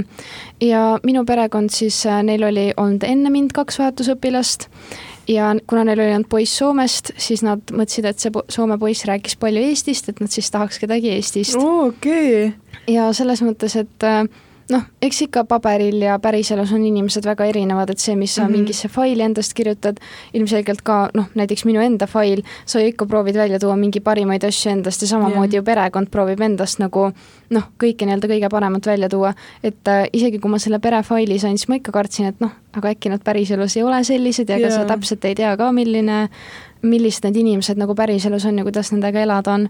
aga no minul peres kodus oli wifi vaatasin, me kuulasime Lisette käest Triinu jutte ja nagu silmad grillis lihtsalt, mingi, et issand jumal. mul, äh, nagu hostel ja vennal ei olnud isegi telefoni. okei okay.. ja ei no me, minu, mina Lisettel oli luksus ja mul oli oma tuba näiteks äh, mis alguses ma mõtlesin, et no, et kui ma jagama ka pean, et noh, see ei ole nagu nii hullu mm, -hmm. aga tegelikult äh, nagu vahetusaasta jooksul ma sain aru, kui väga mulle meeldis, et mul oli oma tuba, et see oli nagu koht, kus nii-öelda sai veidi omaette olla, puhata just sellest keelest ja kõigest sellest üldse nagu kõigest sellest uuest, eriti alguses oli see nagu üliülioluline. ja, ja minu pere oli selline, nad olid väga nii-öelda maailmateadlikud või nad hästi palju üritasid kogu aeg panustada sellesse, et maailma nii-öelda paremaks muuta. näiteks nad käisid igasugustel sellistel võib-olla, näiteks tol ajal oli väga, või noh, tol ajal praegu on ka, aga siis oli võib-olla ammustel, ammustel kogus nagu hoogu rohkem see nii-öelda LGBTQ näiteks mm -hmm. toetamine, äh, minu vahetusperekond väga toetas seda, äh, nad nägid vaeva, et nii-öelda ka teisi inimesi harida selles osas, näiteks minu vahetusõde, kes sai siis oma isalt sünnipäevaks raha, alati annetas selle selleks wow., et naised saaksid aborti teha, kuna Ameerikas on abort väga kallis äh,, siis äh, minu vahetusperekond ja oli selline väga teistsugune, et nad väga toetasid äh,, nad tahtsid igale poole aidata, annetada, just sellised võib-olla natukene sellised controversial topics mm. -hmm. nii äge, et ja. nagu meil on kaks nii erinevat kogemus siin koos, mida saab nagu kõrvutada. ei kujutagi ette, et oleks nagu samas riigis käinud. ja, ja ei, mul oligi, et no lihtsalt, vabandust, ma siia vahele naersin, onju, aga lihtsalt mul selle imelise abordi teemaga nagu seoses tuligi meelde see, et see oli kindlasti ka üks äh, tõukejõudusid, miks äh, mind vaevasid teemonid. Et nagu ma teadsin, et see on nende jaoks vastumeelne teema, samamoodi nagu loomulikult ka kõik LGBTQ pluss rights ja nii edasi, on ju aga, aga noh, ma ei olnud nagu, ma ei kunagi ei rääkinud seda teemal, ma lihtsalt kuulasin nende jutud ära ja ma mingi no, mul ei ole mõtet vaielda, ma räägin okay. nagu niikuinii mm -hmm. ma mhm. räägin seinaga, on ju. Mhm. aga siis ükskord mul nagu viskas veits üle, nii et me sõitsime jälle koolist koju ja siis seal oli mingi kirikute juures olid mingisugused plakatid, no selle kohta, kui vale abort on, on ju. ja siis ma ei tea, midagi mu host vend küsis selle kohta umbes, et vaat ma ei saa aru, et äh, miks siis üldse keegi peaks mingi äh, lapse saama, kui ta ei taha last saada või midagi niisugust, on ju. Mhm. et mingi, see on ju ta enda valik, on ju. ja siis me lihtsalt niimoodi vaikselt seda auto taga istusime, et ütleme mingi, et no alati ei ole naise valik, on ju mhm. siis ta on lihtsalt mingi, aa, mis mõttes. aga nad ei olnud nagu, ju seksidis nagu mul oligi täpselt, ei mul oligi see, et mul nagu noh, tuli kohe, kui ma olin selle öelnud, tuli meelde, et ta isegi ju ei tea, kust lapsed tulevad, on ju. mingi vaevu tunneb iseenda kehaosigi. muidugi nagu, ta ei no, tea, issand jumal. ja siis ma olingi mingi, et noh, jaa, ei ma rohkem ei ütle mitte midagi, on ju mhm. ilmselgelt, kuule, no teil ei tohi, need inimesed, kes nagu isegi tahavad koos olla, ei tohi koos olla enne abielu, on ju. Mhm. et eh, nagu millest ma nüüd üldse rääkima hakkan, aga ma ei, ma olingi mingi, et aa ei noh, et lihtsalt, et on tegelikult igasuguseid erinevaid võimalusi, et sa ei saa niimoodi väita, et, et aa, see inimene on ju ise süüdi selles, et yeah. nagu mis mõttes ta siis enam ei taha seda last, on ju. mingi, et see ei ole nii lihtne teema tegelikult ja siis ta oligi lihtsalt mingi umbes pöördub oma ema poole mingi, aa, no mida ta ajab, on ju. siis ta oligi lihtsalt mingi, aa, rahu, rahu, et noh, et meil siin äh, mõne asja osas on nagu erinevad arvamused, et ega... sa olid nagu selline äh, silmade avaja nende jaoks võib-olla natukene, et ei no jah kindlasti või need lihtsalt aga, olid pigem no, põlglikud? aga noh, selles mõttes, et see oligi see, et äh, ma arvan, et see oli üks kõige suuremaid asju, mis ma jõudsin öelda selle vahetusaasta okay. jooksul, oli see üks lause. aga noh, sellest, sellest, sellest draamat jätkus nagu terveks ülejäänud aastaks, et iga kord, kui oli mingi ükskõik mis suvaline asi, siis alati me lõpuks jõudsime selleni tagasi, et äh, nagu mu host, tema tuleb minuga rääkima, et kas sa oled üldse kunagi mingit uurimistööd teinud nagu sel teemal, et kuidas sa julged olla, sa oled nagu täiesti südametu inimene, on ju.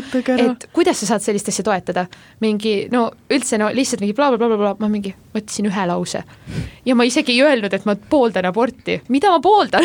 Aga mm -hmm ma isegi ei öelnud seda mm, -hmm. ma lihtsalt ütlesin, et sa ei saa väita, et see on naise süü või et nagu, et see on alati inimese teadlik valik, et ta jääb rasedaks. jaa, ei, ma olen väga selle poolt, et kui sa lähed kuhugi teise riiki kellegi teise perre, siis sa eladki nende nagu elurütmis ja sa ikkagi austad nende traditsioone ja värke, aga samas, kui sul endal on nii teistsugused väärtushinnangud, siis ja sa saad aru, et nad ajavad mingit absurdset juttu, kui nad ei loe raamatuid ja nad ei käi koolis ja tulevad sind õpetama, siis mingi hetk sul viskab üle ja sa oledki nagu, et no kuulge, tehke oma silmad minu, lahti. minu perel näiteks väga meeldis selliste teemade üle arutada või nagu meil alati õhtusöögilauas oli mingisugune selline võib-olla natukene noh, selline arutamist väärt teema nii-öelda, et kuigi mu perekonnal enamasti olid äh, nagu kõigil samad arvamused, siis ikkagi nagu arutati, räägiti, hästi palju minu vahetuspere jälgis poliitikat, nii et sellest räägiti päris palju, äh, uudiseid alati, kõike arutati kõik koos, et äh, mul oli ja päris vastupidine perekond ja piiblit ma ei tea, meil ei olnud kodus näiteks piiblit aga ma mõtlesin, okei okay,, see on nüüd täiesti sada kaheksakümmend kraadi teemavahetus, aga Lisetega me sattusime üks päev rääkima noorte suhetest äh, Ameerikas ja Lisette mainis seda, et neil toimib see kõik hoopis teistmoodi, kui meie Eestis harjunud oleme. Ameerikas kindlasti suhted algavad väga palju varem, et äh, kui me Eestis, kui mingi kolmeteistaastane ütleb sulle Eestis, et ta on suhtes, siis inimesed enamasti vaatavad natukene imelikult mm -hmm. ja noh, tekitab peas mõnda küsimuse, et kas, kas sa peaksid nii varal suhtes olema,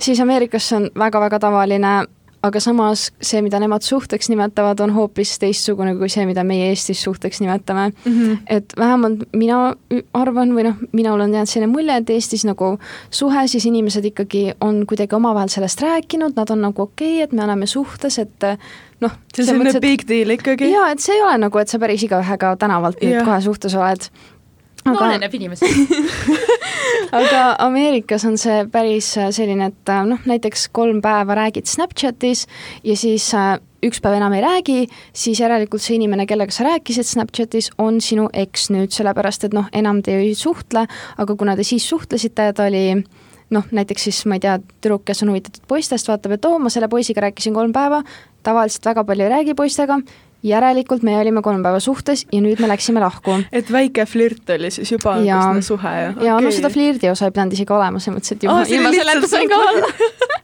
ja noh, selles mõttes, et väga suur ähm, nii-öelda asi oli see, kui sa juba kuu aega kellegagi koos olid olnud, see oli päris pikaajaline suhe, see noh, seda pidi kindlasti tähistama, seda pidi kõigil rääkima, et sa oled kuu aega suhtes olnud. Wow.. muidugi järgmine kuu sul oli juba keegi järgmine, sellepärast et ega see noh, eelmine nii kaua ei püsinud, aga jah. Iga väikest saavutust tuleb siiski tähistada. et näiteks minu vahetusõde, kes oli siis neliteist, kui ma sinna läksin, rääkis, kuidas tal on umbes kuus erinevat eksi olnud ja ma olin nagu aa, okei okay,, et okay. pikad su suhted olid ja ta oli nagu, ei nagu päris pikad, et minu kõige pikem suhe oli kolm kuud ja siis ma olin nagu aa okei okay,, kõige pikem oli kolm kuud.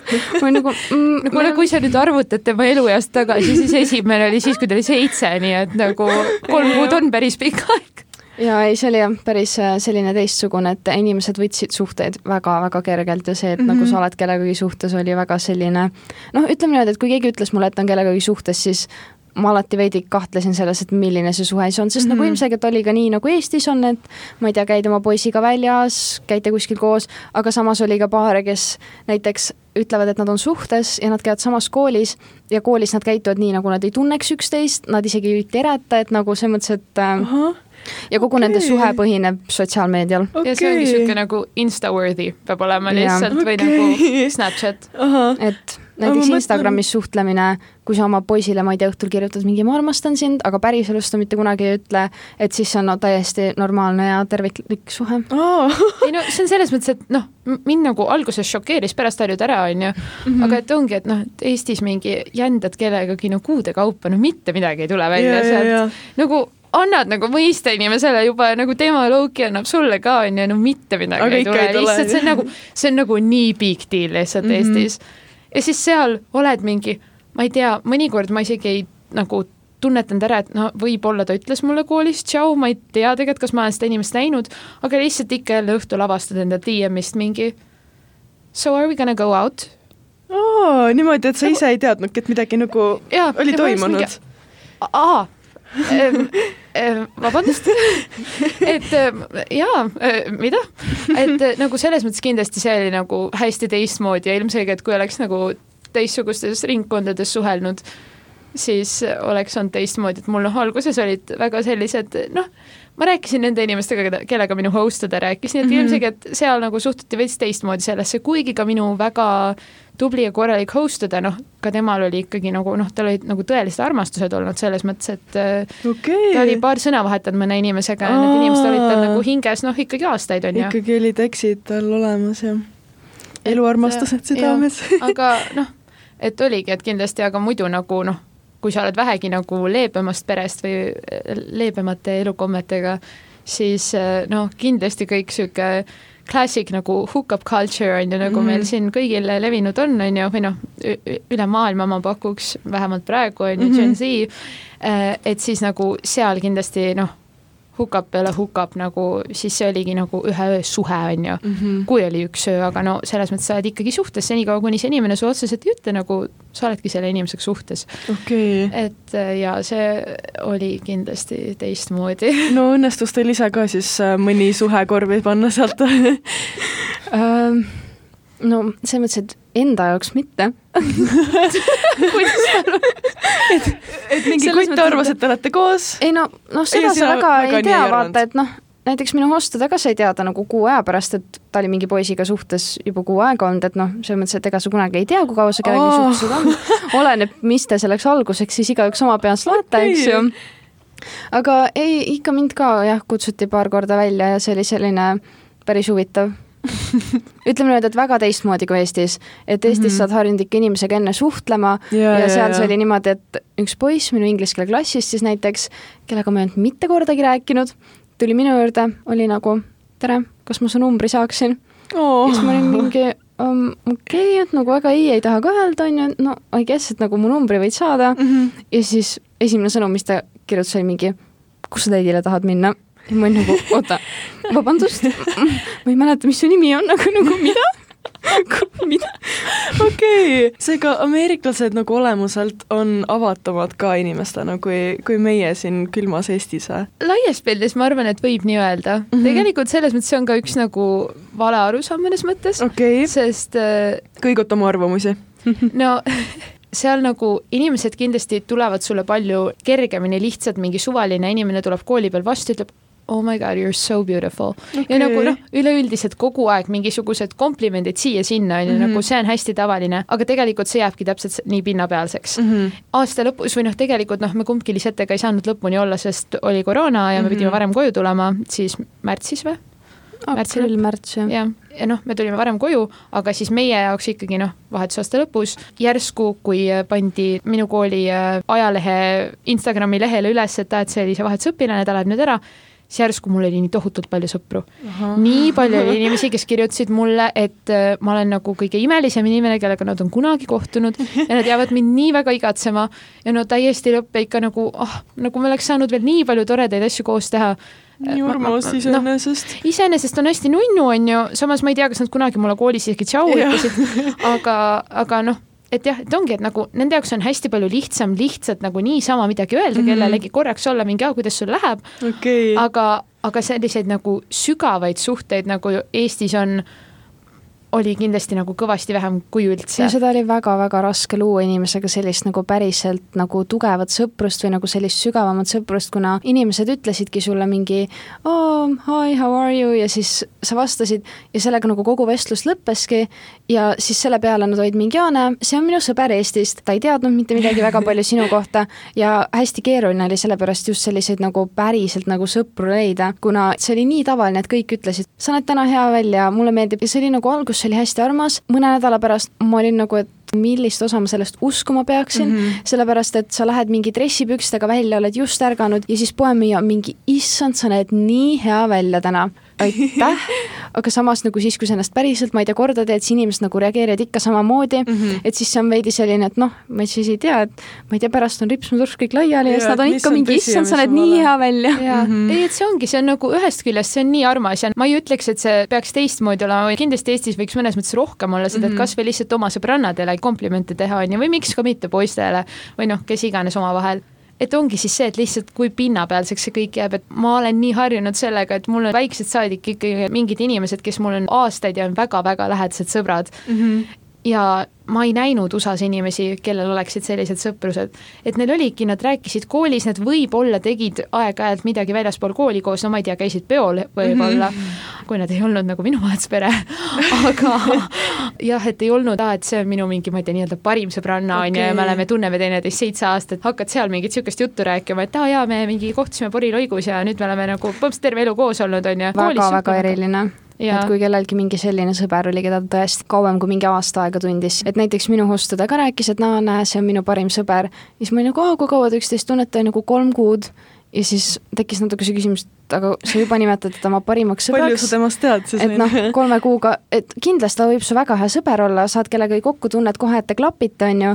kas sa nüüd saad öelda, et see on sinu südamesõbranna peale kolme kuud suhtlemist, kas sa oled kindel selles? Eestis käivad asjad natuke teisiti. jaa, aga see oli tõesti väga tavaline, et noh vahetasid kaks sõna ja siis, kui sa pärast noh, peale vahetusaastat siis kirjutasid inimestele, et issand, ma nii väga igatsen sind.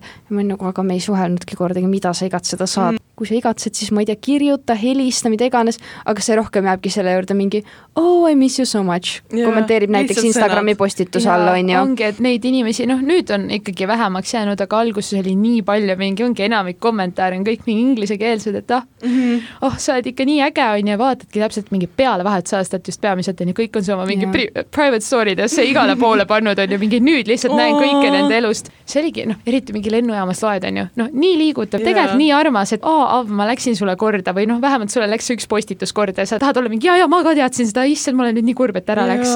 olgem ausad, tuleb mõnes mõttes kibestus sisse. mul oligi üks konkreetne tüdruk kirjutas mulle, et ta ei tea, et kas ma nagu mäletan teda, on ju, mis oli iseenesest suht siiras pöördumine okay. ja aus. tea aga, et vaata, et me käisime seal tunnis koos ja et ikka noh, et sa olid nii tore ja et nagu kahju, et me rohkem ei suhelnud, et ikkagi oleks võinud ja nagu, et ma just mõtlesin, et oleks võinud midagi koos teha. see oli just üks selline tund, kus mul ei olnud nagu mitte kellegagi olla, see oligi see mingi näitlemise tund on ju, nagu ma tegin kõiki asju kaasa, kõik oli vahva, aga siis, kui meil oli rohkem mingid pausihetked, siis kõik olid oma nende nii-öelda sõprusgruppidega, on ju, ja nagu ma ei tahtnud ennast peale suruda kellelegi, kui ma pigem hoidsin omaette. see ei ole ju võimalik, et sa ei näinud seda, et ma olen kogu aeg üksinda ja siis sa ei tule minu juurde, teeks midagi, no tule meie juurde, ole koos meiega mm. -hmm. Ja siis nüüd sa kirjutad mulle, et aa, et oleks võinud midagi rohkem ja, koos teha, on ju. ja, ja, ja mingi no, kahepalgeline nagu, just, et neid võimalusi oleks tegelikult olnud nii palju. ei, selles mõttes küll, et kui võib-olla USA filmidest on jäänud silma, et aa, näe, sõprusgrupid niimoodi, et siis ma ütleks, et olid küll, et nagu inimestel oli päris kindel sõprusgrupp, kellega mm. nad olid, hästi keeruline on alguses just sõpru leida, just siis kohalikke sõpru, et mina suhtlesin hästi palju teiste vahetusõpilastega, kes minu koolis olid, kuna ma tundsin, et nemad mõistavad mind kõige paremini. no selles mõttes, et ma ütleksingi lihtsalt kokkuvõtteks seda, et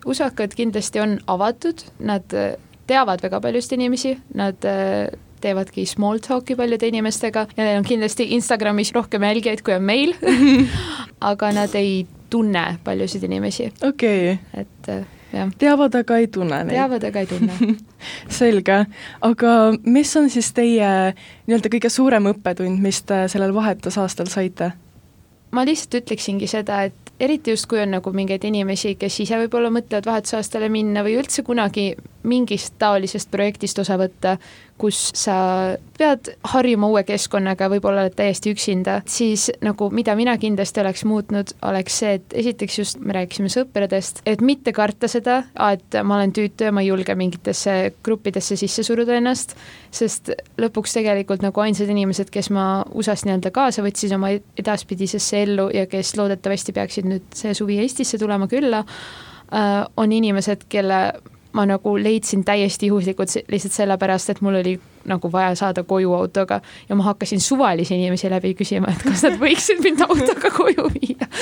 seega haarake härjal sarvist. just, ja oligi ja siis lihtsalt, kuna ma seal selle väikse autosõidu jooksul jõudsin nagu veits avada rohkem seda külge sellest, mis inimene ma tegelikult mm -hmm. olen ja ma ei ole selline nagu minu vahetuspere, siis filter oligi, et siis eest. lihtsalt nagu täpselt filter tuli eest, on ju ja siis lihtsalt oligi, et ta oli kohe mingi appi, ma ei oleks kunagi arvanud, sest no peale vaadates sa ei arva, sa mõtledki, et ta on selline inimene, nagu lihtsalt pealtnäha tundub, on ju. ja järgmiseks päevaks ta oli kohe oma mingi nii-öelda siis enda sõprusgrupile tutvustanud mind, nad olid kohe mingi, aa, tule meie juurde sööma, on ju. ma olin, sain nendega peole minna, mida iganes, on ju. viimased hetked minu vahetusaastastega sain palju lähedasemad inimesed mm -hmm. ja tegelikult kunagi ei olnud kellelgi mitte midagi selle vastu, kui ma nendega nagu rääkima tulin, aga lihtsalt ongi, et nad võivad olla avatud selles mõttes, et nad tulevad sulle ütlema, et aa, sa näed kena välja, aga ega nad ise ka ei julge, nad ei oskagi sinuga millestki mm -hmm. nagu sügavamast rääkima tulla. nii et eh, selles mõttes kindlasti seda teha, et lihtsalt ise võtta härjal sarvist, nagu sa tabavalt ütlesid, ja minna, julgeda rääkida, proovida. teine kindel asi oli see, et eh, nagu Lisette rääkis, on ju, et kui on mingi probleem perega, et siis perekonda saab tegelikult alati vahetada ja see on nagu vaimselt väga raske ettevõtmine, aga ma olen üsna kindel, et enamikel kordadest see on seda väärt mm. -hmm. et minul oligi, ma lõpuni välja, ma ei julgenud seda sammu teha, ma olin väga lähedal sellele, mul oli teine pere olemas ja organisatsiooniga oli kõik räägitud ja nii, aga ma ikkagi lõpuks ei teinud seda. kindlasti see on midagi sellist, mida ma soovitaksin teha, kui neil peaks kahtlus olema, et üleüldiselt terves elus mitte leppida olukordadega, kus te ei ole õnnelikud mm. -hmm et see on väga-väga hea mõte. jah, ei ole mitte mingit mõtet kannatada. kui on selline uskumus nagu minul, siis sa elad vaid korra, nii et võta sellest parimat. täpselt. Ja ma arvan, et teine asi on kindlasti see, et võtta kõigist võimalustest, mida sulle pakutakse nagu osa, kui on vähegi nagu okei okay olukord, et siis ütle nagu kõigele jaa, proovi võimalikult palju asju, proovi kõiki erinevaid asju. ma arvan, et enamasti, kui see on päriselt mingi äge võimalus, et siis sa kindlasti ei kahetse seda. et lihtsalt saada just. oma mugavustsoonist välja ja proovida erinevaid asju, et vahetusaasta kindlasti ei ole midagi, mis on sinu mugavustsoonis, teine riik, teine perekond, see on väga-väga keeruline ja see kindlasti arendab väga-väga palju just noort inimest. Need kogemused, mis sa sealt saad, sa ei saa neid Eestis saada, sa võid minna Eestis kuhugi, ma ei tea, teise keskkooli mingi mm -hmm. nädalaks näiteks on sellist võimalust, on ju. Aga et nagu selline võimalus just nii noorelt, kui see kindlasti väga palju arendab, ma olen täiega tänulik, et ma sain selle võimaluse ja et ma otsustasin seda teha, sellepärast et see on kindlasti väga seda väärt, ma mõtlen, et kuidas ma sellise asjaga nõus olin, et nagu kuidas ma olin nõus minema aastaks ajaks inimeste juurde, keda ma ei tunne, nagu kohta, kust ma ei tunne mitte kedagi, sul ei ole mitte ühtegi turvalist isikut mm, -hmm. et näiteks Eestis ja vahetad kooli, lähed uude gümnaasiumisse, juba see tundub päris hirmus, on ju, aga sul on sinu perekond, sa oled Eestis, sa räägid oma emakeelt, nagu kõik on, see on ikkagi üpris turvaline. et kui ma tagasi mõtlen, siis ma mõtlen, et kuidas ma sellise asjaga nõus olin kuidas ma, kuidas ma olin nagu, jaa, see on hea idee mm. -hmm. täpselt, see on nüüd, see on nagu mingisugune maailma suurim eneseületus. jaa, ma mõtlen ma mingi, kindlasti. elu sees ei teeks uuesti seda, aga samas, samas ma tean, et nüüd, kui ma olen seda juba teinud, siis kui mul peaks mingi taoline võimalus avanema, ma ei annaks elu sees endale andeks, kui täpselt. ma ei võtaks sellest kinni. ja kui keegi kuulab ja mõtleb, et aa, ma olen mõelnud proovida ja see on suur summa, aga et on võimalusi, kuidas see raha muud moodi ka kokku saada, et lihtsalt proovida ja anda endast parim, et võtta kõik kõik need võimalused, mis sa saad, sellepärast et selline teises peres elamise kogemus ei ole midagi, mida sa väga ülikoolis saad, sellepärast et ülikoolis sa siiski elad eraldi ja see on täiesti nagu mm -hmm. uus kogemus elada üksinda, aga just see, et kuidas teises peres täiesti uute inimestega, nende reeglitega harjuda, et see on väga keeruline, aga ma arvan, et see on täiega seda väärt ja kindlasti üliüliarendav, et see on täpselt see, mida sulle koolis ei õpetata, et koolis sa saad kogu selle oma raamatutarkuse, aga see, mida sa vahetusaastalt saad, et isegi kui sa koolis väga palju ei õpi, näiteks lähed USA-sse ja noh, kool on väga-väga lihtne, on ju, käid seal oma koorilaulus ja elu on ilus, see, mida tegelikult vahetusaasta sulle õpetab, aastate pärast sa saad nii palju aru sellest, et võib-olla vahetusaasta jooksul mulle tundus, et ma üldse ei arene, räägitakse, et aa, sa täiega muutud inimesena, mina tundsin vahetusaasta jooksul, et no kurat küll, ma ei ole üldse muutunud, et mis toimub, et miks, miks ma ikka ma kartsin, et äkki ma lähen kuhugi uh, usuhull või noh, nagu, et ma tulen Eestisse ja asutan mingi oma usukogukonna, onju. et äh, jah. ja mulle tundus, et noh, et kuidagi ei ole nagu see, mida ma ootasin, et noh mm, -hmm. ei muutu üldse nii palju ja ei ole nüüd mingi kolmkümmend korda avatum, et kuidagi imelik, et ikka olen nagu selline eestlane, aga siis tagasi tulles sa saad tegelikult aru, mis mõju sellel vahetusaastal oli ja kui palju sa tegelikult muutusid inimesena. just, et need arvan, et mõjud jõuavad hiljem nagu järele. kindlasti, isegi nüüd, kui vahetusaastast on juba peaaegu kaks aastat möödas, siis ikka mõnikord äh, näiteks mina olen Jõhvus vabatahtlik ja ma ei tea, käin klassidele rääkimas, siis ma mõtlen, et oot-oot-oot, et mina enne Ameerikat ei oleks mitte kunagi mitte midagi sellist teinud. see, kui ma nüüd võrdlen ja mõtlen, et kas ma siis oleks olnud nõus minema mingi kümnenda klassi ette ja rääkima neile, olles ise nende vanune, siis ma oleks äh, ei, mitte mingil juhul mina mitte midagi sellist mitte kunagi ei teeks, siis nüüd see on minu jaoks tavaline ja ma arvan, et õppetund on see, et võtke kõik võimalused. just, ei, see on väga hea mõte, nii tore, et te tulite stuudiosse. aitäh, et sa kutsusid meid nii armas. ja kuulajatele aitäh, et te olite täna meiega ja kohtume teiega juba järgmisel nädalal. tšauki! tšau!